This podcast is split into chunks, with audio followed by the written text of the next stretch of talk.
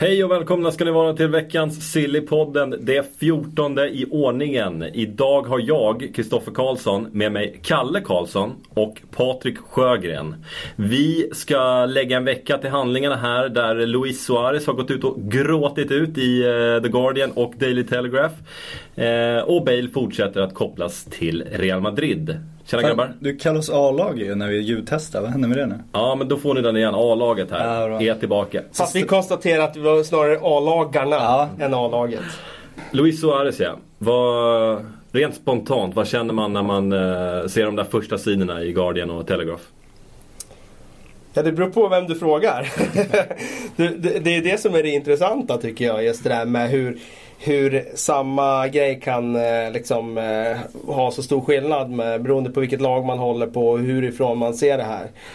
Håller man på Liverpool så är det ju förklar, såklart förkastligt att eh, den här spelaren som de har stöttat så mycket genom alla stormar nu eh, är beredd att tvinga sig bort till en av deras värsta konkurrenter om Champions League-platsen.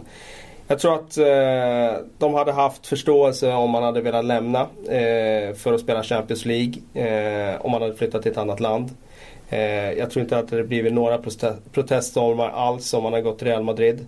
Men eh, hans sätt att ena stunden säga att han älskar klubben. Säga, dessutom säga att han ska stanna även om de missar Champions League. Och sen helomvända på det.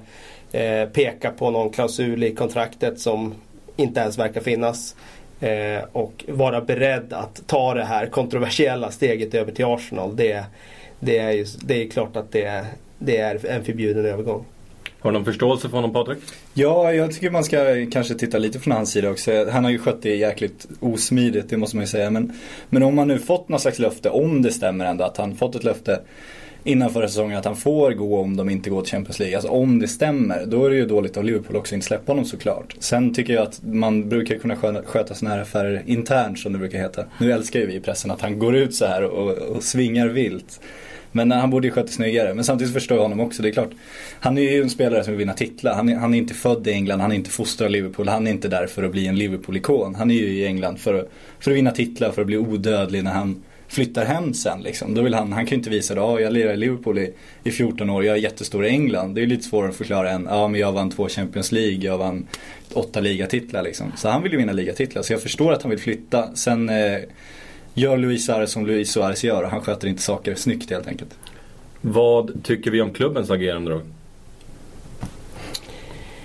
Ja, tänkte du med klausulen och sådär så vet vi ju egentligen inte vad som står i det där kontraktet. Eh,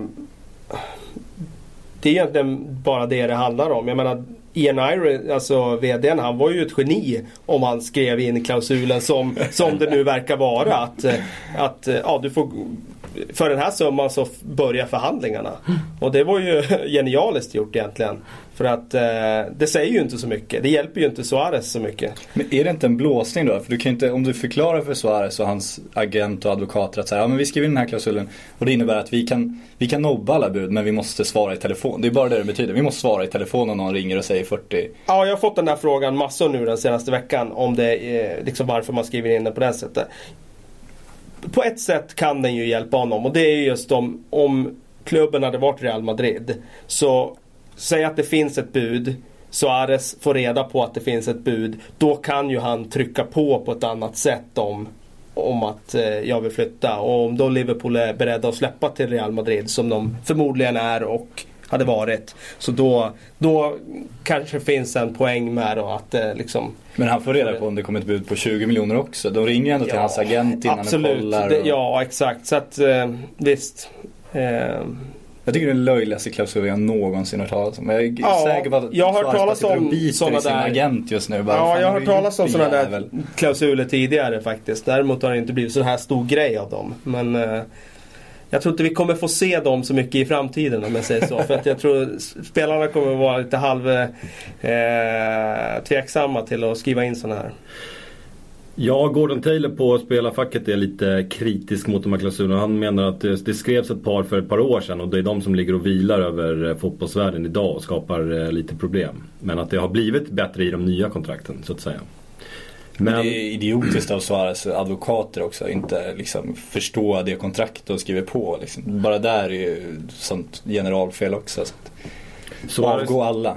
Ja. Suarez hävdar att han eh, fått eh, Rogers ord på att han får, eh, skulle få lämna om de missar Champions League. Talar han sanning eller? Ja, uppenbarligen är det ju någon av dem som ljuger då eftersom mm. Rogers nu har gått ut och sagt att det där stämmer inte alls. Eh, han har inte fått något sånt löfte av mig. Så att eh, ja, någon av dem har ju, eh, ja, tummar ju lite på sanningen. Eller så har Suarez uppfattat det fel. Om vi ska vara schyssta och, och, och tolka det så. Så kan det ju vara så att Rodgers har sagt det i ett, ett klumpigt tillfälle också. Det är ju inte han som bestämmer. Det är ju inte han som ska lägga det ordet. Det är ju klubbledningen. Så, att, mm. så att han har egentligen inte den makten. Så han kanske har sagt det för att, för att göra Louise glad när Louise var lite ledsen. Men, men det, han kan ju inte bestämma. Ja, eller så sa han det helt enkelt för att få Luis Suarez att stanna då förra sommaren. Ja. Och det fick han ju uppenbarligen då. Han fick ju honom att till och med skriva ett nytt kontrakt då. Mm. Med en bra klausul. Eh, med en bra, bra klausul dessutom. Så att, eh, och jag menar, jag förstår Liverpools eh, sida i det här nu. Det är ju bara att kräma ut så mycket pengar som det någonsin går nu. Det, jag menar, de måste ju se till Liverpool Football Club. Liksom. De, de måste ju agera i deras intresse. Jag menar släppa honom nu bara för att han tjurar för den här summan eller bara för att han ska få gå. Det finns ju inte på världskartan. Utan det är bara att kräma ut så mycket som möjligt för de ska ju bygga ett nytt lag efter det såklart. Fast det finns ju en aspekt till tycker jag också. Det är att om du, om du håller en spelare mot hans vilja, det, det, kan ju skada klubben på sikt också. För när du ska värva nästa, om de ska gå efter Christian Eriksen nu och Christian Eriksen ser Liverpool som, ja, men som ett mellansteg ändå om man ska vara ärlig. Det lär han göra. Han vill väl till Real Madrid så småningom eller liknande. Då är det ju svårt för liksom, att motivera för en sån spelare. Ja, men kom till oss så, så gör vi allt för dig och så kommer vi släppa dig sen. Ja men vadå, ni släpper ju inte Louise, ni har ju lovat honom. Jag tror att det finns också en risk där att man, att man skadar sitt anseende lite hos de här upcoming players.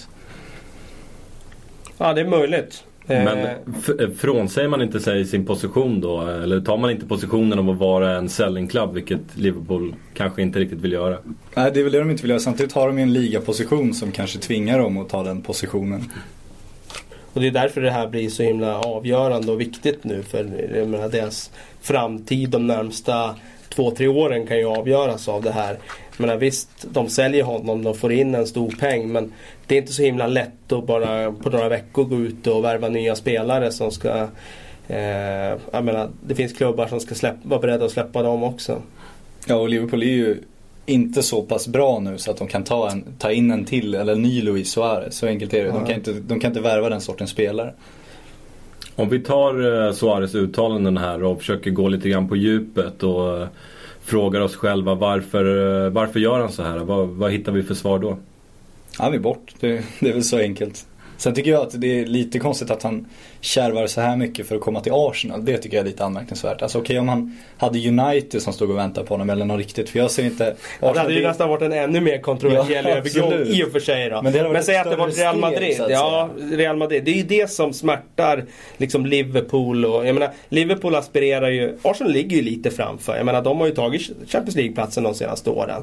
Men Liverpool det är ju det de, det, är det de ägnar varenda dag åt. Det är ju att ta det här första steget upp till Arsenals mm. nivå.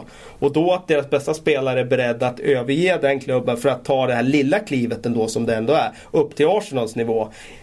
Ja, det är det som är så otroligt svårt att ta om man är Liverpool-supporter eller om man är Liverpool-ledningen såklart. Eller lagkamraterna. Jag menar det är det hade varit en så enorm skillnad om han hade gått till Real Madrid. Det hade varit liksom accepterat. Ja, okej. Okay. Eh, han är en spelare som hör hemma på den högsta nivån. För det är han ju. Eh, det, det hade varit lugnt. Hur desperat är han? Med tanke på att han har gjort sig omöjlig i klubben nu så verkar han ju vara extremt desperat. Och det blir ju också liksom, det blir ju en följd av nu när han har gjort sig omöjlig, ja men nu kommer han ju vara ännu mer desperat. För jag menar, vadå, ska han gå tillbaka till Liverpool nu ner på träning på Melwood där och säga ah tjena grabbar, nu är jag tillbaka här. Eh, nu är allt, ska allt vara som vanligt. Ja precis, och då fick, fick han, träna, med sin dotter. fick han träna på egen hand. Med sin dotter, var ute och latcha. Ja, jag menar, det, det funkar inte. Jag menar, relationen med Brendan Rodgers den är ju helt förstörd nu. Eh, jag utgår från, oavsett vad spelarna säger utåt, så utgår jag från att de är jäkligt trötta på Luis Suarez också. Och att han då skulle gå tillbaka dit och att allt skulle vara som vanligt igen, det, jag kan inte se det. Om United-spelarna är så trötta på Wayne Rooney att de inte vill vara med honom på träningsläget, hur känner då Liverpool-spelarna för Luis Suarez? Det säger sig själv. Och fansen dessutom, får vi inte Ja. underskatta. Jag menar fansen, i sådana här frågor har ju fans otroligt stor makt. Vi pratade ofta om att fansen inte får vara med och bestämma. Men just i de här fallen så, jag menar fansens åsikt i det här, är, den blir jättetung. Eh, skulle de förlåta honom efter det här? Ja, jag säger så här. Oftast så förlåter ju fans så länge spelare levererar på plan. Men i det här fallet så har hade ju han ett bagage innan det här. Och att han eh, på något sätt eh, sviker klubben på det här sättet, det, det blir nog svårt att smälta. Jag tror man glömt det på en vecka. Helt Tror du det? Ja, helt övertygad om det. Om han, om han är kvar, om han gör det bra, då är jag helt övertygad om att han är förlåten direkt. Ja, ja, ja vi får se. För att Taylor på spelarfacket säger ju också att det här kommer ta lite tid att lösa. Inte alls säkert att eh, vi hinner det innan transferfönstret stänger med förhandlingar med ligan och sådär. Och där semiöppnar han ju lite grann för att Suarez kan bli kvar i Liverpool. Men Ja, är det sa, möjligt? Nej, man sa ju det i det första skedet där Taylor. Men sen sa, sen sa han ju senare att, eh, att eh, då hade de ju kollat på kontraktet och då sa han ju ganska klart och tydligt att det finns ingen sån klausul i kontraktet. Eller, eller så, så här, klausulen säger inte att de måste sälja för 40 miljoner pund och plus en pund. eh, vilket innebär då att, jag menar, då är ju egentligen det juridiska utrett. Det är det som återstår, det är liksom för Liverpool nu och det blir förhandlingar. Och då kommer de att kräma ut så mycket pengar som möjligt. Så att det är om någon klubb är beredd att lägga mer pengar och jag tror att det är det. Innan fönstret stänger så tror jag att det kommer att varit någon klubb som har gjort det. Real Madrid eller Arsenal. Men om, eh, om Suarez nu går ut och gråter så här över att han inte får lämna Liverpool för vad han antyder är Arsenal. Han säger inte rakt ut i intervjun där men han antyder Premier League. Eh, kan Real Madrid-intresset vara särskilt stort då? För hade han haft liksom genuint in, Real Madrid-intresse efter Ja, då hade han sig? ju valt det. Definitivt. Nej, det är ju inte det. Eh, och där är ju också intressant nu med tanke på att Chelsea jagar ju också en centerforward. Och de har gått på Rooney. Och då, alltså jag ser ju definitivt i spåkulan att varför går de inte på Suarez istället? Jag menar, de får en spelare som är två år yngre, bättre karriärkurva. Eh, och det är ungefär samma pengar. Det är om man vill kasta sig in i den heta gröten. Nu får de ändå ligga lite bakom där och jobba på Rooney lite lugn och ro för att Suarez är ute och stormar. Så att det är nog ganska bekvämt också om de känner att Rooney är realistisk. Så att, också tror jag också att han är engelsk spelare tror jag också är någonting man inte ska underskatta.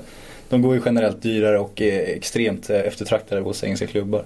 De vill ju ha någon engelsk spelare i sin startelva ändå. Och sen kan man ju kanske se en, eh, någon form av trepartslösning här. Benzema till Arsenal öppnar upp för Suarez i Real Madrid så att han går dit istället. Eh, möjligt. Jag tror aldrig Benzema skulle acceptera att gå till Arsenal ska. Ja, vi, vi får se. Ja, det får vi göra. Nej för Suarez-ryktena till Real Madrid har ju nästan helt dött av. Det är tyst vad gäller anfallare i Real Madrid. Trots att en eh, ung kille, Morata. Morata ry- ryktas bort liksom. Men det känns som Real Madrid går all in på Gareth Bale just nu. De behöver sin Galactico. Jag tror inte de tänker så mycket sportsligt just nu. nu ska Och hur in- galet är inte det egentligen? Det är, man behöver ju uppenbarligen en anfallare i det där laget, tycker jag. Ja, Gareth Bale är väl på en Ronaldo-position också. Det är- ska bli sjukt intressant att se hur de överhuvudtaget ska använda honom. Ja. Ja. Är om de flyttar upp Ronaldo. Ja, det- Han lirar center forward. När du säger det så jag menar det är möjligt att, då att, att den möjligheten finns. Jag, jag ser ju inte varför man skulle flytta nu på en av världens bästa spelare som passar väldigt bra på den positionen han spelar idag. Men eh, det är klart att Ronaldo såklart eh, kan användas längst fram också. Ska man spekulera där så kan man ju kanske tänka att Ronaldo också är sugen på att göra lite mer mål för att ta den där världens bästa titeln från Messi. För att det är, ju- I slutändan brukar man räkna mål ganska tungt där. Om man ska spekulera vilt nu, riktigt vilt, utan någon som helst grund så kanske Cristiano är sugen på att göra ett Messi-steg och kliva upp ett steg till i banan för att få några fler påsar. Eh, Jonas Paulsson, en av läsarna, skickade in en fråga kring problematiken med Suarez. Han håller på Arsenal då. Och han är inne på det här att han hade hellre sett Rooney i Arsenal än en Suarez. Tveksam förstås till vad, vad, man, vad för spelare man köper här. Det där är jätteintressant tycker jag. För att det man har sett nu under den här processen när Arsenal har blivit intresserade. Det är ju att många Arsenal-fans har liksom ja, men börjat vänt i hela den här Suarez-synen. Eh, och säger att men han är missförstådd. Och det är liksom vi pratar ändå om en spelare som har varit hatad på alla arenor i England. Eh, inklusive Emirates. Jag menar han blev ju utbuad vid varje, varje bollkontakt vid varje bortaarena. Och nu så liksom ja, nu eh, tar Arsenal-fansen emot honom med öppna armar. Eh, en stor del av dem. Sen finns det också en klick som är tveksamt inställda till hans bagage. Varav en är då den här stora bloggen, Arsenal blogg. Och när han skrev om det här så fick han ju otroligt mycket backlash för det. Eh, alltså reella hot fick han för att han framförde åsikten att nej jag tycker inte att Arsenal ska signa Suarez för att eh, jag menar han någonstans så hade ju han, han, han ville stå för vissa ideal och stå upp för det. Och eh, det fick han alltså enorm kritik för, eh, för från de egna leden, liksom, de egna fansen. Det tycker jag är anmärkningsvärt. Men ideal, det är bara stryka alla ideal i fotboll tror jag. Du kan ju liksom misshandla studenter med golfklubbor och stå och göra målgest på det. Sen prestera fotbollsplanen så tycker folk att det är roligt. Det, det, är förkastligt många gånger och, men det är verkligen så det fungerar, min bild av det. Ja, ja nej, men absolut, jag är med dig. Det, det är så det fungerar. Jag tycker att det är beklämmande att det är mm. så det fungerar, men eh, så är det. En rak fråga till er båda två då.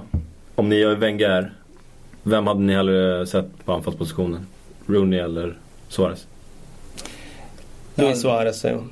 Ja, jag hade också sagt Suarez och jag tror inte att de kan värva Rooney för att om de ska värva Rooney så måste de värva från en klubb som är betydligt bättre än dem. Och nu värvar de ändå från en klubb som trots allt är sämre än dem och det är sådana affärer betydligt mer realistiska. Men jag tycker också att rent kvalitetsmässigt skulle jag hellre se Suarez men om man ska se på bagage och så vidare så det är nog bekvämare att ta in en Rooney. Och hur mycket mer måste ett Arsenal betala än ett Real Madrid i, när det kommer till eh, Suarez? Som det har blivit nu när det inte finns någon klausul Eh, alltså jag, jag, tror att, eh, jag tror att eh, Liverpool bara för att undvika att släppa han till Arsenal som en direkt kon konkurrent om CL-platsen. De skulle kunna vara beredda att släppa han för 35 miljoner pund eh, till Real Madrid. Eh, Medan Arsenal kanske kommer med ett bud på 50 miljoner pund. Jag tror att de hellre säljer för 35 då. Eh, den förlusten kan de ta med tanke på att eh, jag menar den här Champions League-platsen som de vill upp och kriga om, den är värd så mycket mer.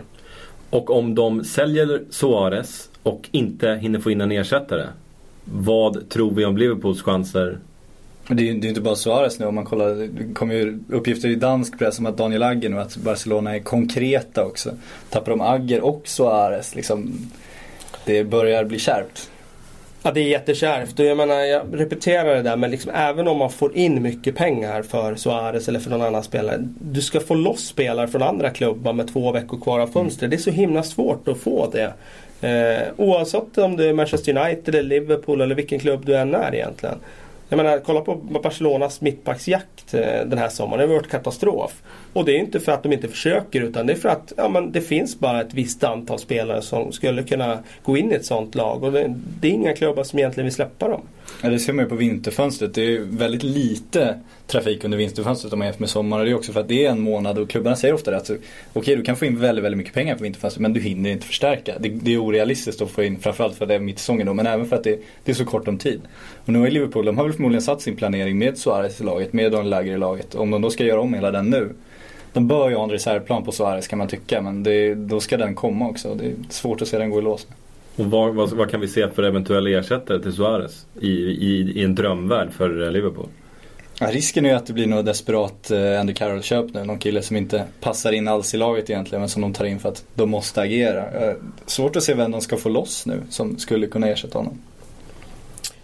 Nej, de vill ju samtidigt ha liksom någon som inte är för gammal, inte har för hög lön och hela den biten. Och, eh, ja, jag, ser inte heller riktigt vilka som är tillgängliga på marknaden. så. För ett lag som inte spelar Champions League? För ett lag som inte spelar mm. Champions League, viktigt att påpeka. Alright. David Luiz, ni var inne och nuddade på det där. Ha, hur, alltså, och just Barcelonas havererade mittbacksjakt. Vad har de egentligen för chanser att få loss David Luiz från eh, Chelsea? Eh, David Luiz ser jag som en bricka i framtidens Chelsea. Han, eh, förra säsongen så växte han ut till en ledartyp, eh, tog stora kliv framåt. Det kan vara liksom en blivande lagkapten i Chelsea. Eh, men de har ju faktiskt en ganska bra mittbacksida ändå. Med Ivanovic och Cahill finns ju bakom där. Så jag tror att det blir bara en fråga om priset. lägger de eh, ett överpris så går det kanske att få loss honom. Eh, men eh, då ska det vara ett överpris också. Jag tror inte Barcelona har de pengarna nu eller? De har ju gått på en väldigt stram budget nu de senaste åren. Det har ju blivit Rosells hjärtefråga att rensa upp ekonomin där efter Laportas generösa spenderande. Och det påstås väl att de har runt 400 miljoner per sommar att lägga på spelare och nu har de lagt allt på Neymar. Så att, eh, och då måste de plocka från nästa år. Och då ska det in en ny målvakt om de inte nu har löst Pepe som det är. Så att jag tror inte att de har råd att betala ett överpris. Och bara det här att de bjuder på Agger och Louise som det påstås nu tyder ju på att det, nu är det desperat. Liksom. Nu är det sista chansen. Nu, nu kastar de det de har så får de se om någonting nappar. Mourinho är inne på just eh, Louise potential. Att sälja en så ung spelare som ändå har den potentialen. Är inte det lite väl riskabelt? Jo, det, jag menar Chelsea vill ju bygga ett lag för att vara uppe och slåss i den absoluta toppen och då ska man ju inte släppa sina bästa spelare. Och sen är ju Luis är ju en sån spelare som det är spelmässigt men sen med hans aura och jag menar han är en publikfavorit på Stamford Bridge. Hans hår, icke att förglömma. Icke att förglömma. Jag menar han, eh, han är värd så mycket mer liksom. Så att eh, skulle jag vara Chelsea så skulle jag ju inte släppa honom i det här läget. Det gick ju chockvågor på Instagram när han la upp en bild där man såg hans lockar låg på golvet. Och, och folk bara, han klipps ju, hur ser det ut? Det var, ju, det var ju panik där några minuter. Sen la han upp en ny bild och så bara, det är lugnt. Och så var det bara lite kortare. Ändå. Så att du ser, det är viktigt det där med håret. Ja, får Ja, men sen tror jag också man ska tänka på att det är, det är VM i Brasilien nästa sommar. Och om man då ska byta klubb så här nära in på det mästerskapet. Det tror jag också han ser en risk själv. att Det är nog bättre att liksom han har tryggheten och det fungerar. Alltså, och ens riskera eventuellt förlora sin VM-plats är ju, hade helt otänkbart den jag känslan. Så det ska man också väga in. Om vi kollar lite längre upp i banan hos Chelsea. Där är, där är klubben och petar lite grann på Wayne Rooney. Men eh, om den inte går i lås, behöver man inte någonting annat? Behöver man inte en reservplan där? Känns det inte tungt längst upp? Jo. Torres, vadå? Snackar du om? Alltså grejen är ju det att eh, de får ju tillbaka Lukaku. Men frågan är om han är redo för att bära ett lag som ska slåss på fyra fronter. Jag, jag menar, som grabben är 20 år, gjorde en bra säsong i West Bromwich. Men även där var han liksom lite upp och ner. Jag menar kanonmatcher ibland men sen kommer det någon match där han inte är lika bra. Och jag menar, det är ett steg upp att kliva upp till Chelsea. Eh, ja, jag tycker att de behöver en första forward som ska ta in, gå in och ta den rollen. Och så är Lukaku liksom jokern bakom som definitivt ska starta vissa matcher. Eh, definitivt ska spela och hoppa in ofta men inte vara första valet. Hur ser du Torres då? Ja, det är ju ännu längre ner då i kön. Och jag ser Torres som så att eh, kommer det in en ny striker så utgår jag från att han säljs eller lånas ut. Och vilken klubb kan ta över löneposten? Ja, det blir kanske en sån där Leeds-lösning som jag brukar säga. När de, eh, de får stå för en del av, av kostnaden själva och sen eh, får den, den klubben som tar den stå för kanske halva lönekostnaden. Kan man peta in Liverpool där? Nej, jag skulle ja, det vore intressant. Men jag skulle nog peta in Valencia där. Eh, som har tappat Soldado. Jag, jag kan se liksom i slutet av ett fönster när det är bra förhandlingsläge och man bara behöver betala halva Torres lön och sådär. Då, ja men fan, då, då kan det bli Valencia kanske. Det vore ju en eh, riktigt bra värvning. Definitivt. Vi har eh, nuddat vid eh, Suarez, Bale och David Luiz. Alla har en sak gemensamt. De är lite småskadade här eh, under eh, försäsongen och ryktas bort. Tufft nu. Och jag har en rak fråga till mina herrar här. Hur många av dessa tre är skadade på riktigt? Nej, alltså jag, jag skrattar ju bara åt det där när det kom liksom när en efter en var skadad. Det var liksom, det, man vet ju hur det är med det där. Liksom. Det, det är ju så ofta det är sådär. Liksom. Det är inte bara när de spelar sig flytta utan det är liksom Ja men det har varit något bråk med mm. tränaren och sådär liksom. Det, det, mitt under säsong. Det kan vara då också liksom. Och sen, ja varför han inte uttagen? Nej han, han är skadad liksom. Han fick en fluga i ögat eller någonting. Alltså det alltid dyker upp det där och jag menar det är klart som tusan att inte alla de där tre är skadade. Det är märkligt att de skadar sig så mycket på träning nu. Det brukar man inte göra under säsong. Men helt plötsligt smäller det till. Det är axlar och det är internmatcher, stängda internmatcher där det gör ont. Och, ja, det är tufft. Det är en tuff värld. Men ska, ska supportrar verkligen behöva stå ut med de här eh, minilögnerna varje fönster? Ja, men alltså, supportrar måste inse att CD-season handlar om lögner. Jag litar aldrig på några spelare, vad de säger. Aldrig på några tränare, aldrig på några klubbledare. Alltså, det är hur mycket lögner som helst som sprids under de här månaderna. Jag menar, det, allt är ju ett spel. Allt är ett spel för att få ut så mycket pengar och skaffa sig så bra läge som möjligt. Eh, så att Um man, man, måste ha en stor nypa salt med sig när man går in i silly season-djungeln. Ja, det är som alla intervjuer som inte klubben har ordnat för att få någon slags sponsorgrej. Det är som att Suarez ger intervjuerna. Han ger ju inte intervjuer för att han känner att nu är det dags att synas lite och, och vifta lite. Han går ju dit med en agenda liksom. Det är ju samma när, när Zlatan har en presskonferens när det är landslagssamling. Ofta märker man att liksom, han, han har någonting uttänkt som han vill berätta och få ut. Det är därför de, de pratar med pressen till viss del. Och det är ju inte alltid sanningen då utan de gör ju det av en anledning för, för att vinna någonting på det i slutet. Ofta har de bättre rådgivare än Luis Suarez har så att de faktiskt säger bra saker också. Men... Är det lite deprimerande med alla lögner? Nej, det är kul som fan. Man har vant sig. Jag tycker det är härligt. Det är ju det som gör Silly så roligt. Det är ju så snårigt. Det gäller ju att, att sondera terrängen. Det krävs lite erfarenhet. Annars så kliver man i kvicksanden där och ja, slukas av lögnerna. Ofta. Eh, ja, eh, Bale. Real Madrid. Det spåret är fortfarande relativt varmt va? Det spåret är bara en tidsfråga skulle jag påstå. Ja. Det är väl kul det där ändå att de får något världsrekordbud och så. Nej men 10 miljoner pund mer, 18 miljoner pund mer. Det här är för lite för Gareth Bale. Det är ju mm. absurt egentligen. Men jag älskar Tottenham för det på ett sätt. Hur skicklig är, är Daniel Levy? Han är Hasse Borg upphöjd till 10. Eh, det, är, eh, ja, det är ju en av eh, Europas absolut bästa förhandlare. Jag skulle vilja slänga in Pinto da Costa i Porto också. Som har drivit den klubben med ungefär samma ja, men liksom agenda med just att tjäna pengar på, på transfers. men han, han jobbar ju för att kräma ut så mycket som möjligt. Tyvärr i absurdum då eftersom det alltid drar ut på tiden. Vilket mm. gör att Tottenham får bara en, en och en halv vecka på sig att hitta ersättare. Och det är ju ett problem för Tottenham har varit tidigare och jag är rädd för att det blir ett problem även den här gången. Nu hoppas jag att, eh, att de gör klart det här snabbt. Så att de får så mycket tid som möjligt på att lösa ersättare. Du håller Tottenham lite grann om ryggen där?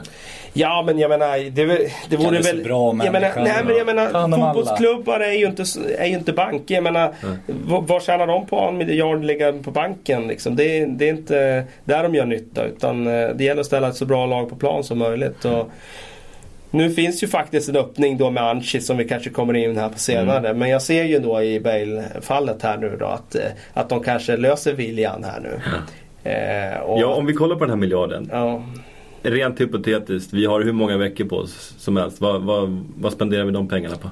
Ja, det är det som är svårt ändå faktiskt. Trots att man har en miljard så är det ju svårt. för att när alla klubbar vet om att ja, men Tottenham har en miljard, då får man ju betala så mycket mer för mm. de här spelarna. Och sen dessutom är det, det är ju tre veckor kvar på fönstret för de klubbarna också. Mm. Och de vill inte släppa sina spelare. Så att man får ju betala överpris för alla de här eh, man ska in. Och jag ser inte så många spelare som är liksom tillgängliga på marknaden. Även om du strör ut 30 miljoner pund här och 30 miljoner pund där. Uppenbarligen så är ju Anchi då beredda att sälja spelare så att eh, det är möjligen då att, eh, att William skulle kunna eh, ta det här klivet och eh, fylla, eh, kliva in i Bales skugga där. Men det är ju det här lyxproblemet som City haft, som PSG har, som Monaco har. Att det är att om PSG tycker inte Lucas Moura är värd 400 miljoner, 500 miljoner. De tycker inte, han är ju inte värd det. Men när PSG ringer så vet ju klubben som säljer att det, det här är ju, alltså 150 miljoner är ingenting för PSG. 200 miljoner är ingenting för PSG. Vi, om ni ska köpa dem då måste ni ha mer. Så då får vi betala mer. Och kommer det då ringa som Tottenham, ah, tja jag tjänar en miljard i veckan. Jag vill ha en spelare för 90 miljoner. Vad 90 miljoner? Du har en miljard liksom. Mm. Men du var inne på Anchi, Kalle. Vi kan beta av det lite grann. Det som hände i veckan. Eh, Ägaren tröttnade på, eh, på alla miljardvärvningar och eh, ska kapa budgeten rejält och satsa på unga lokala förmågor. Och då tänker jag, där de finns då ju. tänker jag, hur är utbudet i Dagestan? Ja, det är lite svårt att veta. Jag har inte varit där och kikat så Nej. mycket. Men eh, jag, jag, jag har svårt att tro det. För jag kommer ihåg jag läste mycket om Anchi när de startade upp det här. Och då fick jag uppfattningen om att de liksom drog igång det här med ungdomsverksamhet och började satsa på det då. När Kerimov kom in och köpte klubben. Alltså då började Jag menar det tar ju tid att bygga upp sådana saker. Så det vi snackar ju en väldigt långsiktig plan de går över på nu. Eh, dock ska vi poängtera att, eller som jag tolkar det då, så de har transferlista spelare men de är i alla fall inte liksom, det betyder inte automatiskt att de kommer sälja alla de här spelarna utan eh, det kommer nog att bli tuffa förhandlingar och de kanske släpper ett par tre stycken men eh, jag tror att de fortfarande vill ställa ett hyfsat lag på benen här i fortsättningen av ligan. Ja, som jag har förstått det så är det de ryska spelarna som är problemet. Eh, att de utländska spelarna kan vara kvar en säsong kanske. Men att de ryska spelarna har liksom varit lite stökiga vid sidan av plan. Eh, att, det, att det inte alls har klickat. De är ju ryssar, vadå? Och där har vi, där har vi ett par, där har vi ett par intresserade, eh, intressanta spelare i en Denisov kanske, en Jurij Kirkov. Denisov gjorde sig i och för sig omöjlig i Zenit innan han kom och gjorde sig omöjlig uppgifter då i Anchi. Lite stökig Kirkov- Det kanske. går rykten om att. Dynamo Kiev ska vara ute och rycka i honom där nu. Eh, vi får väl se. Eh, om det händer något här i dagarna. Men det är ju många klubbar och fans runt om i Europa nu som är väldigt entusiastiska över det här. Men jag kommer ihåg att många av de här spelarna sitter ju på ganska bra löner där också. Så att det kommer att kosta att, eh, att eh, investera i spelare från Anchi också. Ja, man ska ju inte tro att eh, Kerimov kommer sätta upp någon slags loppmarknad eh, i Dagestan där. Där det bara är att hämta eh, världsspelare på, på rea kanske.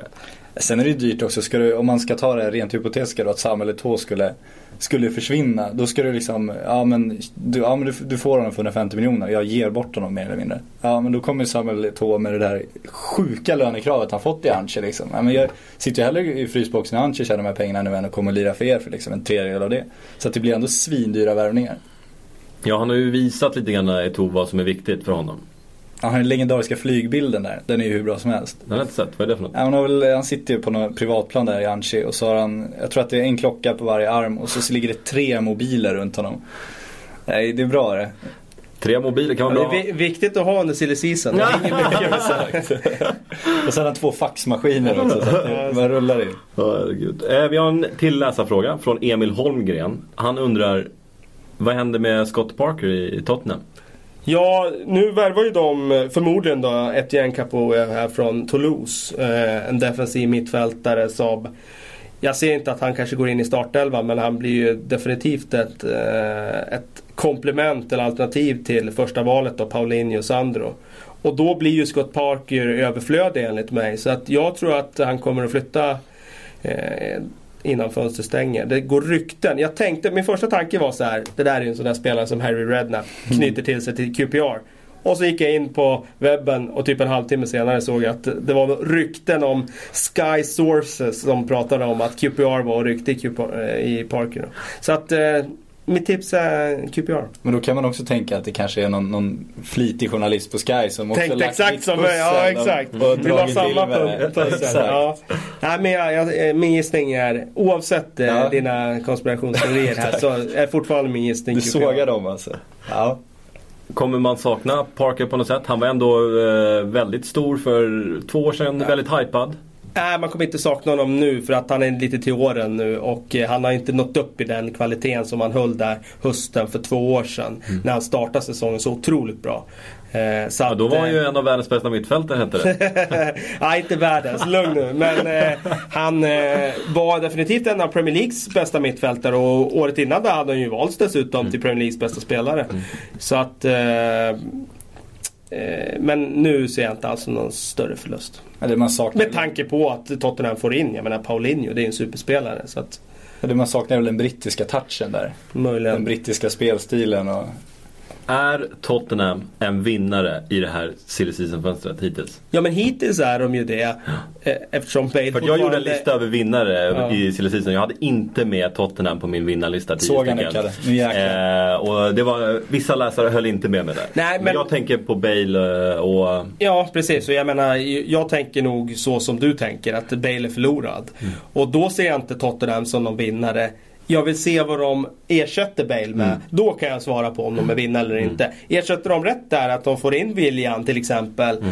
Då utmålar jag definitivt Tottenham som vinnare. För jag menar Paulinho, jättebra värvning. De fick in Mm. anfallaren i Soldado. Nu har de Capoe som är en breddspelare. Shadil tror jag kan bli en riktig överraskning faktiskt. Eh, då säger jag definitivt Tottenham som vinnare. Sen är det svårt att kalla dem förlorare om de får 1,1 miljarder för Gareth Bale. Alltså, om du måste sälja en spelare och ändå lyckas kräma ur så mycket, då är du ju en vinnare på det sättet också. Även fast ditt lag liksom blir sportsligt sämre. Ja, alltså sådana här listor är ju lite kluriga. Vad ska man kolla på? Ska man kolla på namnen som kommit in och vad de kan göra för sportslig Ja. impact? Eller ska man kolla på vad gör man för affärer? Eh, Går man plus här? Vad får man för värde här i, i den här lite mer okända spelaren, lite Man billigare? kan, man kan bedöma på olika sätt Mm. men jag tycker inte att pengarna man blir inte vinnare för att man har pengarna på bankboken. Nej. Utan man blir en vinnare för att man ställer ett bra lag på planen. Men du gjorde fel Kåke, det kan vi enas om. Nej, det nej, nej, det kan vi inte enas om. Men du gjorde fel, det gjorde du. Spelarna på planen och där ser ju Bale ut att vara på väg bort, tyvärr. Eh, apropå lögner. Va? Ja, vi var och snudda, snudda på det tidigare. Tillbaka Fan, från semester, kommer ner på sin ledartid. så bara, Det är jag som ska bidra med dålig stämning. fan är det? Nej men apropå lögner. Fabregas säger idag att han stannar i Barcelona. Är det en lögn eller inte? Nej, jag tror att nu när han gick ut och gjorde en presskonferens, gjorde verkligen en grej av det. Nu kommer han definitivt att stanna. Eh, däremot så tar jag eh, en viss nypa salt i hans uttalande om att han eh, aldrig har funderat på att lämna och sådär. Utan jag tror att det är så att han eh, vill ju fortfarande vara älskad av Barcelonas fans, av Arsenals fans. Och skulle han säga något annat så då har han ju någonstans utmanat det. Eh, jag tror absolut att han gläntade på dörren för United under den här sommaren. Eh, men det kan också vara så att han gjorde det för att få ett bättre kontrakt i Barcelona. Det är så under silly. Man måste spela lite fullt ibland. Och, eh, jag menar, jag tror inte United skulle ha lagt några bud eh, på det här sättet de har gjort om de inte hade fått indikationer av spelaren. För att så fungerar det. De kollar alltid med spelarens entourage med agenter och sådär. Kan man tänka sig att flytta? Får de ja, då börjar de buda. Vi sa väl redan från början att han aldrig kommer flytta den här sommaren med tanke på att de sålde Thiago. Jag tror hela tiden att det finns en chans att Barcelona släpper Fabregas. Jag tror precis som dig att han kanske Han kände ju, han kom ju till Barcelona som en, en riktig stjärnvärvning och sen har han ju tappat hierarkin. Han har blivit en bänkspelare. Han liksom, så han utnyttjade förmodligen det här och gick till Barcelonas klubbledning och sa men ni vet att United vill ha mig, jag vet att United vill ha mig.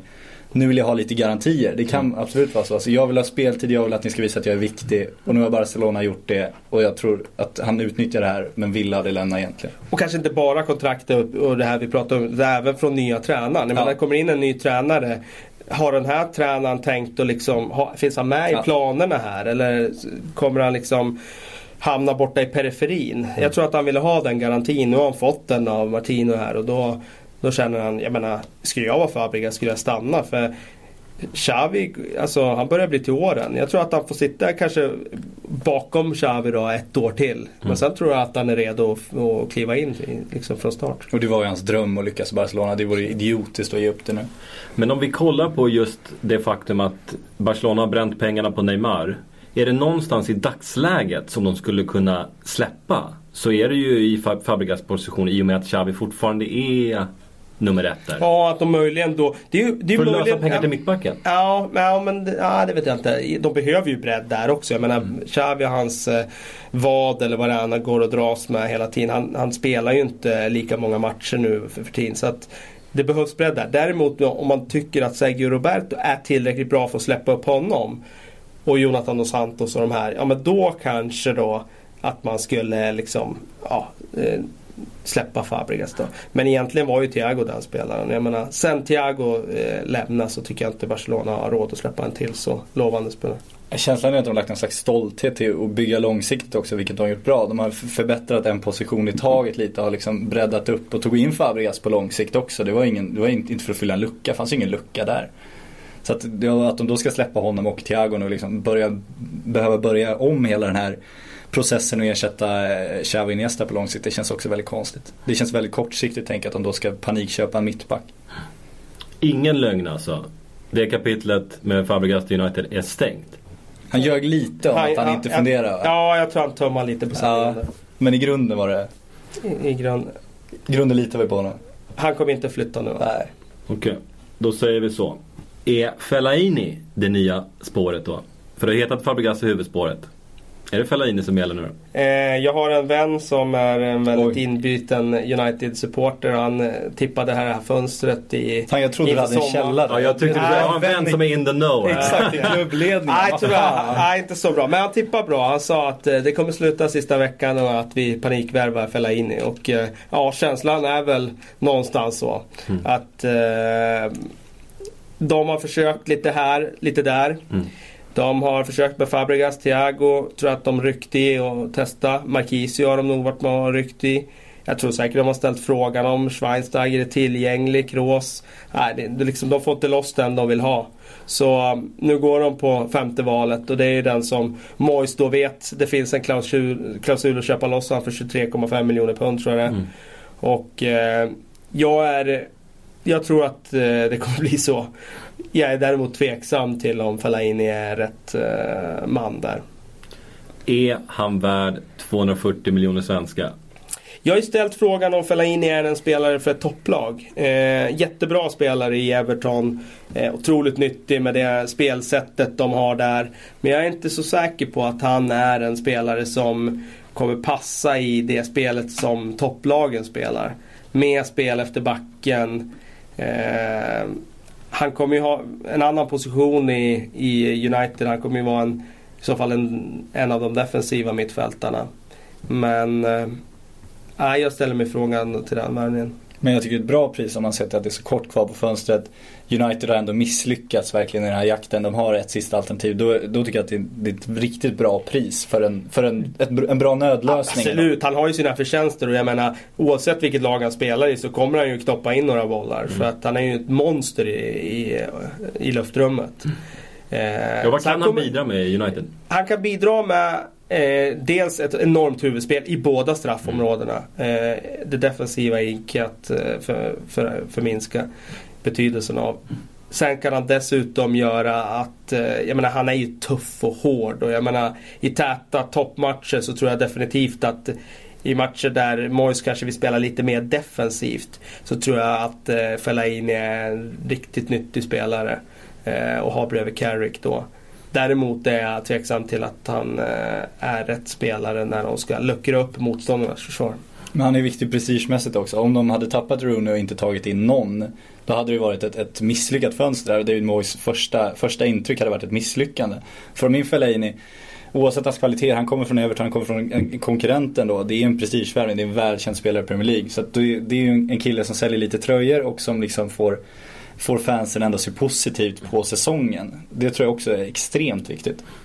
I Everton så har han kunnat spela både i en slags nummer, nummer 10-roll och eh, i en klassisk central mittfältarroll. Vad, hur, hur, får vi se honom i United? Ja, det var det jag sa just att jag, jag, är säker på att det blir som en av de defensiva då. Mm. Eh, för att eh, Alltså, jag menar, Kagawa kommer ju försöka spelas in i den där nummer 10-rollen. Och jag tror inte att Fellaini är spelartypen som United ska ha i en nummer 10-roll. Eh, de har ju ett helt annat anfallsspel och en annan idé om hur man ska gå till anfall än vad Everton har. Så att eh, i United så är jag säker på att det blir som defensiv mittfält. Och man, om man skulle förlora Rooney och få in Fellaini och det är deras sommarfönster. Har de gjort ett bra fönster då? Nej. Nej, gjort ett dåligt fönster. Eh, alltså Wayne Rooney gjorde en svag säsong i fjol med hans mått mätt. Men han är fortfarande en spelare som varje år i Premier League ligger i topp när det gäller mål, assist och jag tror att han eh, skulle kunna bli riktigt bra i Chelsea. Så att eh, alltså prestigeförlusten av att släppa han till en Premier League-konkurrent som konkurrerar om titeln. Det, det skulle vara en enorm förlust. Det har varit, man kan se det på Rooney, jag tycker också att han underpresterat. Men om man tittar, det har hänt, det har varit väldigt stormigt vid sidan av plan. Frågan är hur bra relationen han, han haft med United och med Sir Alex. För han hade ju en transferbegäran inne, fick ett nytt kontrakt. Och så fick vi reda på när säsongen tog slut att han hade en ny. Då undrar man ju, det måste ju ha hänt saker under säsongen. Som också, så att det, han kanske inte har trivts helt bra heller. Vilket ju såklart påverkar hur han presterar. Han eh, hade ju den där såklart petningen i Champions League där mot Real Madrid och efter det verkar ju relationen med Sir Alex ha varit eh, eh, krossad. Mm. Och jag menar sen kommer Moise in. Det var väl kanske talar väl för att eh, att eh, det var större chans att han skulle stanna men då har han ju sin historia med Moise också. Mm. Så att, eh, nej, det, han verkar också göra allt för att få flytta. Jag har lanserat en uh, liten teori här på redaktionen som jag tänkte jag skulle få med i podden också så vi har den på band. uh, jag tror att det finns en risk att United kan missa topp 4. Ja just det, det, det sa du någonting om. Ja. Ja, men alltså, det, det beror helt på vad som händer här i slutet av fönstret. Men jag har inte blivit imponerad av eh, Uniteds fönster. Jag har inte blivit imponerad av vad Moyes har gjort på försäsongen. Jag är inte skrämd av det laget de st kan ställa på planen just här och nu om vi räknar bort mm. Wayne Rooney. Så Eh, ja, jag tror att de kan göra en svagare säsong. Och sen handlar det mycket om den här starten. Men det kommer vara jättemånga tuffa matcher i början. En dålig start då det börjar liksom gå eh, liksom... Eh... Roy Hodgson stormar kring Moyes. Ja, men att det börjar storma, känner pressen någonstans. Då, då tror jag att det kan bli tufft. Så att, eh... Men sen missa topp 4, det är ju fortfarande ett steg ner till att missa topp 4. Så att eh, topp 4 tror jag fortfarande och de har ju kvar sin guldtrupp, det ska man inte glömma heller. Det är ju ett jättebra lag fortfarande och jag, kan, jag tycker inte att deras närmsta konkurrenter liksom heller gjort de här extremt bra fönstren så att man ska ramla av stolen och vara riktigt orolig. jag tycker City har gjort det väldigt bra. City, gjort det väldigt bra. Eh, City känns avsevärt starkare nu. Så just den här positiva effekten mm. man får när man får in liksom, spelare som är på rätt eh, liksom, väg. Vill uppåt fortfarande. Jag menar Jesus Navas och Negredo Jovetic, de har ju inte fått spela i, i, i, stora klubbar än. Det här är ju deras chans nu och Fernandinho också att eh, verkligen ta det här klivet upp. Jag tror alla de är väldigt sugna på att göra det och slå sig in i sina landslag och det. Mm. Så att eh, City har gjort ett bra fönster och de, eh, ja, de ser vassa ut. sen ska tre till om om din teori ska slå in här. Ja men vi har ju Chelsea också under Mourinho och där har vi ju eh, enligt mig ett lag som utmanar City om titeln. Definitivt. Så ser det ut. Mm, och sen men där håller jag United också. Där håller? Där håller jag United också. Att de kommer vara med. Och utmana om titeln? Absolut. Okej, okay, Kalle, gör du det? Utmana om titeln i år? Ja, jag tror det kommer vara jämnt om titeln i år. Mm. Eh, men det är så svårt att svara på det innan fönstret har stängt. Mm. Det, det, kan hända så mycket de sista veckorna här. Mm. Låt oss återkomma till det när fönstret har stängt. Du alltså? Vi ska ja. inte spekulera i säsongen. Jag var tvungen att få in den teorin på band bara så kan jag peka på den sen när säsongen är över. kan du klippa ut och spara den sen? Mm, absolut. Sen kommer det försvinna mystiskt om det inte slår in. Vart tog den där vägen? Jag har ingen aning alltså. Idag är det torsdag. Idag spelar Swansea retur mot Malmö i Europa League. Eh, körde över Malmö första mötet. Hur intressant är detta Swansea? Ja, de har ju inte tappat några spelare. De var bra redan i fjol. De har sin filosofi som är väldigt eh, liksom, den sitter starkt i, i klubben, i spelsättet. Alla spelare som kommer in väldigt snabbt anpassar de sig till den här fotbollen. De har förstärkt väldigt bra Eh, och Boney innebär ju att Michu får ta steget ner igen till nummer 10-rollen. Där han faktiskt är mer effektiv. Tycker jag. Han löste jättebra att spela striker-rollen också i fjol. Men de blir ännu vassare med han i nummer 10-rollen. Och ja, det ser riktigt bra ut.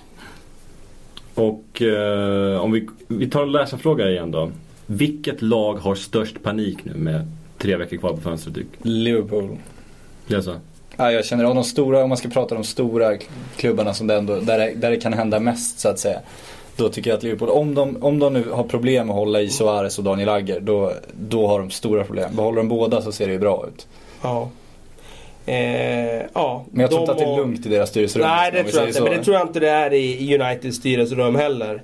Eh, med tanke på att de jobbar så hårt för att få loss den här mittfältaren hela sommaren och de har ju inte lyckats än.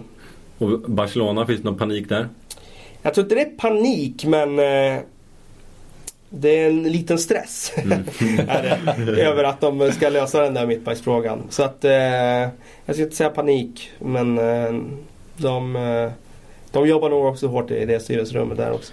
All right, den frågan var från Martin Örmgård. Eh, det är strax dags för eh, sista playoff-matcherna till Champions League. Där har vi Lyon, vi har Milan, vi har Real Sociedad, kul.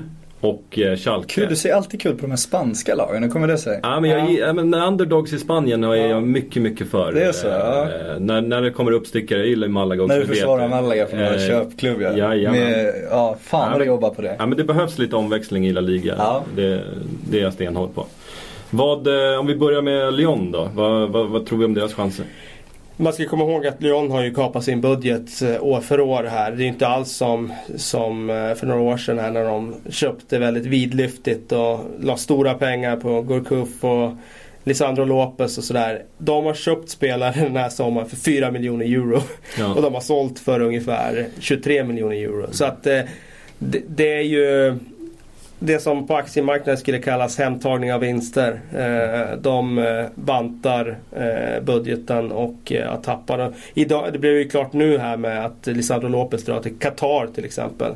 Revier lämnar. Eh, Michel Bastos tillhörde ju fortfarande Lyon. Han lämnar ju också. Eh, så att eh, de litar ju till de här unga spelarna de har. De har väldigt talangfulla och bra unga spelare. Grenier, Gonalo, Kone, Lacazette. Eh, jag tror inte att de kommer ha någonting med någon titel att göra. Får se om de klarar kvalet till CL.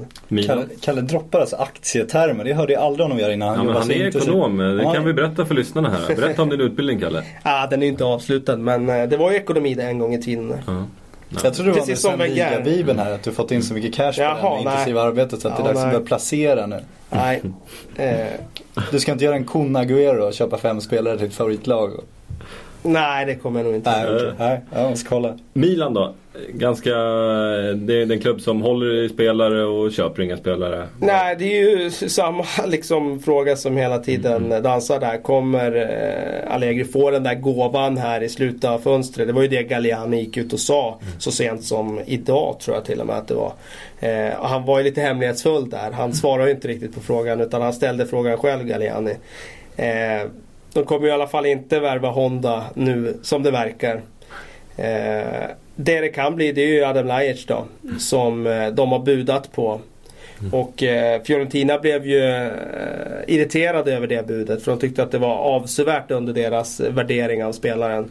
8 miljoner euro tror jag då, Milan erbjöd. CSKA var inte helt glada på Honda-buden heller. Nej, de kanske också var en De, bit de under ska hans... inte behandla oss som losers, Ja, tror jag var eh, exakta orden. Ja, men Milan har väl en rätt stram budget. Det är känslan att de försökte ju skicka iväg Robinho där och det var väl de pengarna som förmodligen skulle användas till Honda. Och när Robinho då blev kvar så det finns inga utrymme och då krävs den här gåvan från Berlusconi. Och vi vet att Berlusconis ekonomiska situation har liksom, den ser inte ut som Kalles ekonomiska situation om vi säger så. Utan det har ju gått ut för de senaste åren. Så han har inte råd med de gåvorna riktigt längre. Till Milans försvar medan eh, konkurrenter som Napoli och Fiorentina spenderar pengar så har ju de två klubbarna sålt för mycket pengar och, och investerar de pengarna. Eh, Milan har ju en bra trupp, alltså de har ju en spännande ung trupp. De började ju när de sålde Zlatan och, och Thiago Silva så sa de det att nu ska vi föryngra. Och eh, har man då Balotelli och El Sharawi, två av de mest spännande talangerna i hela Serie A och som redan är liksom klara spelare. Det är svårt, att, svårt att inte se, se ganska ljust på den framtiden ändå. Och nu Jajic ryktad in. Men är det verkligen en eh, offensiv mittfältare de behöver ha? Nej det kan jag hålla med om fast de behöver ju spets liksom. Det är det som är känslan. De, de har spets i anfallet, de behöver ytterligare konkurrens och bredda truppen. Är, de har ju en klubb med, med en stabil grund. De kommer ju vara med där uppe. De behöver de där killarna som kan lyfta dem till Juventus nivå. De behöver en Andrea Pirlo. Så Mexes har ett par säsonger kvar i mittförsvaret här i Milan. Ja, det är ju vad vi kan utläsa av Sjögrens analys. absolut, absolut. Allra högsta grad. Jag älskar Filip Mexes. Nej, men nu fick de lite bredd också när de värvade in eh, Mattias Silvestri där ju. Mm. Så att eh, nu tycker jag mittbackssidan ser ganska bra Köpt loss ut. Zapata också. Zapata är klar. Så att eh, nej, men det ser bättre ut där än vad det gjorde här om året tycker jag. Ja, Bate tycker jag man ska passa på att hylla också. Ja, absolut. Riktigt bra spelare. Sociedad då, de tappar Iaramendi. Ja. Tjänar bra med pengar när de säljer till Real Madrid. Ja, det är lite synd kan jag känna liksom när man får ta klivet upp där och ska börja kvala. Och så får man ändå försämra truppen. Mm. Eh, men det, det, jag menar, det är ju självklart att de ska sälja när de får ett sånt där eh, bud. Ja, det var utköpsklausulen tror jag. Precis. Mm. Det är väl Eh, allsvenska sjukdomen det där. Ja, nu är vi Champions League-kanon så drar alla spelare. Så, vad fan gör vi nu? Ja, lite grann faktiskt. Uh, Schalke. Vad- Ja, de har gjort ett bra fönster. Mm. Eh, faktiskt. För att de har ju fått in eh, dels den här jättetalangen Goretzka då som eh, så många storklubbar jagade men ändå valde han Schalke. Eh, Adam Shalai som eh, har varit en stor stjärna i, i Mainz. Eh, de har fått in, vad är det mer? Hjälp mig. Nej, jag är tyst nu. Ja, okej.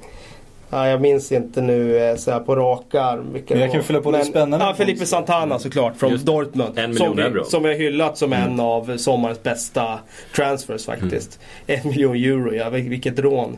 20, vad är 27 år gammal. Ja, något sånt. Eh, och jag menar, nej, de har gjort ett bra fönster. De, de har inte gjort några stora förluster egentligen. Det är Metzel, det tror jag lägger av. Och det är eh, Marika lämnar.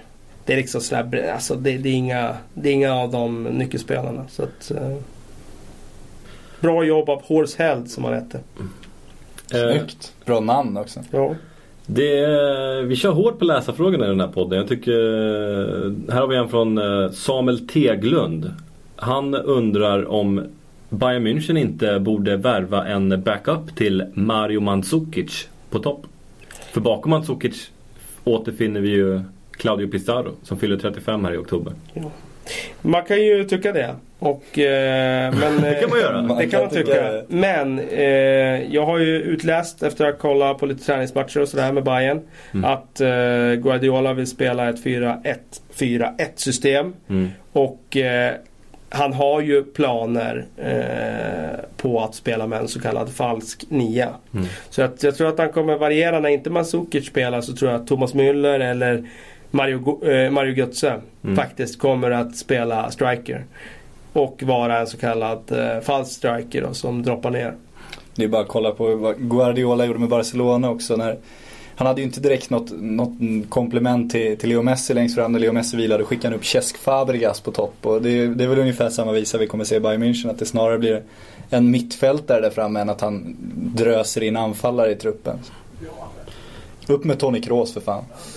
En dansk stjärna i Christian Eriksen har ju ryktats bort i eh, massor med år nu. Ja. Från Ajax. Eh, Den här säsongen hette det att det var dags och det är väl det egentligen. Men det har varit lite tyst om honom på sistone. Man börjar bli orolig att det är den här Rasmus Elm-sjukan nu. Att han, han planerar sin karriär. Så det känns som att han gör det så otroligt intelligent. Att han tar nästa steg. Han inser att Holland är en bra adress. Jag etablerar mig där. Nu ska nästa steg komma. Och Rasmus kände som han gjorde samma sak. Han kom till Holland, han etablerade sig, han gjorde det bra. Och sen förväntade man sig att det här Premier League-steget skulle komma. Och istället så, så landade han i Ryssland till slut. För att det, liksom, det kom aldrig de alternativen. Jag tror också Eriksen är så så, kanske så pass kräsen att han, han inte kommer få den chansen han vill ha. Han pratar om Liverpool, han pratar om Dortmund själv, det var bra alternativ. Dortmund valde en annan väg, Liverpool ser, ser inte heller ut att vara intresserade av Eriksen. Så vad tror jag att de hade löst honom? Och då tror jag att han helt enkelt, han vill inte gå till, till någon mindre klubb än så.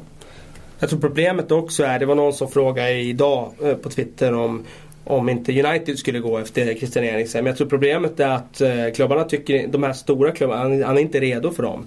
Utan det måste vara en klubb som är liksom nästan där. Som ska nypa honom. Och det är mycket pengar. Mm. Och då ska de ha mycket pengar. Så att eh, det blir lite ett moment 22 här för att, för att lösa honom. Och han kanske inte heller riktigt är jättesugen på den klubben. Han kanske tror att han Det verkar ju som det. Det känns så. Och så ska man också prata om holländska ligans kvalitet. Det känns som anseendet för holländska ligan har sjunkit betänkligt. Det, det är inte som tidigare att du vet att om du tar en, en kille från Holland som är riktigt bra i holländska ligan då, då går han in i en toppklubb Premier League. Det gör de inte längre. Det har vi sett flera exempel på. Marcus Berg vann skytteligan i Holland bland annat. Och alla vet hur det gick sen. Så att den, den ligans anseende har sjunkit och då tror jag att klubben också tycker att det är en liten chansning med Eriksen. Trots att han är en enorm, enormt stor talang. Jag hade gärna sett honom i, i Dortmund egentligen. Bernard väljer Shakhtar Donetsk, eh, lämnar Mineiro. Han eh, spelade med, gjorde ett inhopp med Brasilien i Confederations Cup. Spännande. Bejublat inhopp får man väl säga. Ja, visst. Hemmaplan, Ja. därför. Jo men det var ju alltså vilken publikfavorit han är. Ja. Hur stor han är där Ja. i hemlandet. Ja, eh, topp tre i brasilianska ligan säger Andreas Käck. Han är lite brassexpert. Oj, ja. Eh, så där finns det nog att hämta. Men eh, Simon Johansson undrar varför, eh, varför väljer han Shakhtar? Shakhtar har ju varit väldigt eh, lyckosamma med sina brassevärvningar. Jag tror att han ser det som ett bra karriärsteg. En mellanlandning där. Och sen dels betalar de ju väldigt bra och de tar ju hand om sina brasilianska spelare mm. väldigt bra. De bor ju tillsammans där i någon logi där. Mm. Och eh, jag menar Porto hade förmodligen också varit ett väldigt bra karriärsteg. Mm. Men eh, känns som det var lönen som avgjorde just mellan Porto och Shakhtar kanske. Så kan man fråga sig också hur, hur mycket han valde egentligen. Det finns ju ofta diverse ägare inblandade i sådana här affärer just när det är med brasse, talanger och eh, ofta så landar, jag tror att det landar ett bud på bordet som är bättre än de andra och då tror jag att de mer eller mindre får ta det helt enkelt. Jag tror om vi pratar om Arsenal där som skulle vara intresserade. Det finns inte en chans att Arsenal skulle kunna lägga samma pengar som, som Shakhtar betalar. Och då har känslan att det kanske Arsenal-budet aldrig når Bernard utan att hans, hans, om vi tror att han har en tredjepartsägare, jag är inte helt påläst på just Bernard men jag utgår nästan från det. Att det aldrig når honom utan att den stannar hos ägaren då som helt enkelt säger, men vadå Shakhtar bjuder ju 200 miljoner mer, varför, varför skulle vi liksom ta Arsenal då för att det kanske är mer sportsligt intressant för Bernard. Vi, vi struntar i sportsliga, vi vill ha in våra pengar. Mm. Och Shakhtar och just de här ryska klubbarna som många brassar också gått till. Jag tycker det finns en risk där också att de fastnar lite. Vi har sett det med William, han, han kom aldrig iväg liksom. Ja. De, de kräver för mycket pengar för honom och Premier League-klubbarna lägger inte de pengarna. Så att de, de, blir fast lite i de ryska ligorna och sådär. De lyfter ju rätt mycket lön så det är, inte, det är svårt att tycka synd om dem. Men, men om man ska se karriärstegsmässigt om man ska vinna en Champions League-titel så tror jag att det är ett idiotiskt mellansteg faktiskt. Ja, även om det inte hänt så mycket konkret den här veckan så har vi faktiskt två utlåningar från eh, QPR. Vi har eh, Loic Remy som går till Newcastle. Vad får man för spelare där? En väldigt rörlig anfallare och eh, det var ju väldigt viktigt för Newcastle med tanke på att eh, de stod med CC i fjol som var väldigt ojämn. Och de har letat hela sommaren och ryckt i det mesta egentligen utan att lyckas. Det sprack med Gomis som var väldigt eh, nära kändes det. Och nu får man in Remi istället. Jag tycker det är en väldigt bra tillskott eh, för Newcastle. Inga språkförbistringar i omklädningsrummet eller? Ja, det kommer väl vara det även fortsättningsvis med tanke på att de har ett gäng fransmän där nu. Men eh, å andra sidan så kanske de eh, smälter in bättre här nu om de eh, har fått lite tid i klubben. Ja, trots QPRs nedflyttning så var ju ändå Remi en, eh, en liten succé under under tiden i QPR. Ja, han var ju det. Det kändes ju så att han var hoppet där i våras. Skulle mm. de klara sig så var det tack vare han. Mm. Göran Carlos Tevez. Precis. De eh, skickar också bort eh, Tarap till eh, Fulham. Vad, vad ser vi i de korten? Ja, lite märklig värvning tycker jag ändå av Fulham med tanke på att de har ju Brian Reese i nummer 10 positionen. Och det är väl den positionen antar jag som Tarap ska konkurrera om. Eh, så att eh, mer än liksom en PR-mässig värvning av Fulham än att det skulle vara en tanke bakom den. Eh, för QPRs del är det såklart tunga tapp. Jag menar, mm. med de två spelarna i laget så då kan jag inte se någonting som, som, eh, som skulle kunna hindra dem från att ta Championship. Men känns det inte lite som att eh, eh, Tarapts genomslag liksom uteblev lite grann. Han var väldigt hypad när man gick upp i Premier League. Vad hände egentligen? Ja, men han är ju en sån spelare som han har en otroligt hög högsta nivå. Som han visar då och då. Men eh, han är ju också en sån spelare som är väldigt frustrerande för han är ju eh, i princip alltid sämst på plan när han har en dålig dag. Mm. Och eh, han har ju, jag menar han tar ju inga ansvar defensivt. Han försöker alltid spela väldigt svåra passningar och sådär. Det är klart att du lyckas. Han har ju en extremt hög teknisk nivå. Eh, han är lite liksom, liksom ett missförstått geni rätt tränare som matchar han på rätt sätt, får rätt roll så kan han vara hur bra som helst. Men eh, han har ju inte än så länge visat den nivån över någon längre tid i Premier League. Så att eh, det är ju ett stort frågetecken för den här värvningen inför Fulham. Men man, man blir så galen på sådana spelare som man vet liksom, ja men du har liksom allt taktiskt kunnande, alla förutsätt eller taktiskt, allt tekniskt kunnande, alla förutsättningar för att bli liksom hur bra som helst. Om du då har en dålig dag, vad fan, löp utav bara helvete så kommer du in i matchen liksom. Man kan bli helt tokig på den här ligan. Ja, det är verkligen. Alltså det, så är det ju. Det, det finns ett gäng sådana spelare och de har levt på sin talang i hela sitt liv och eh, den har tagit dem långt men de kommer aldrig nå den högsta nivån om man inte har andra. Om vi tar klivet ner då från eh, Premier League till Champions League. Äh, Champions Livet ner. Ja, det är liv. Premier League är stort alltså. Nej, Championship. Vad... KK har betalt här och vi har satt för att lansera Premier League som någon supergrej här.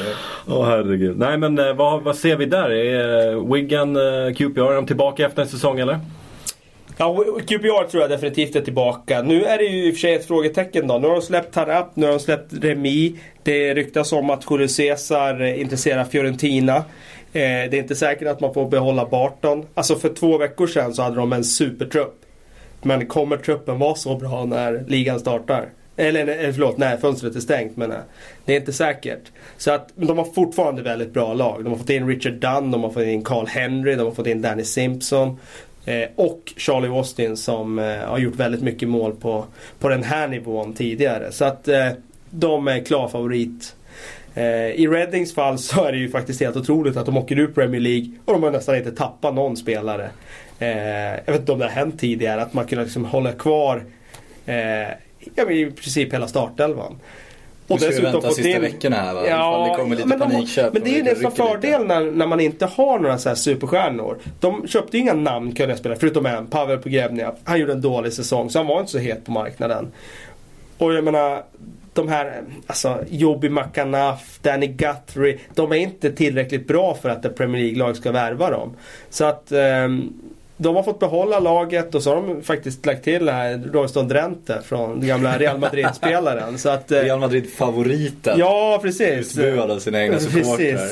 Eh, så att eh, de är minst lika bra tror jag som, som i fjol. Men och så har ju Nigel Atkins tog över redan i våras men han har ju fått en sommar att jobba med truppen också. Men QPR hade ju ett, ja men inget superlag men ett riktigt, riktigt bra lag förra året också. Alltså vad talar för att de får ihop det i år?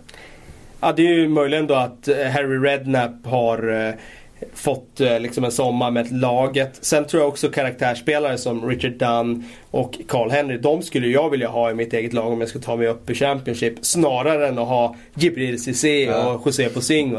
Så att eh, jag har fått in karaktär och rutin där, eh, Rednap.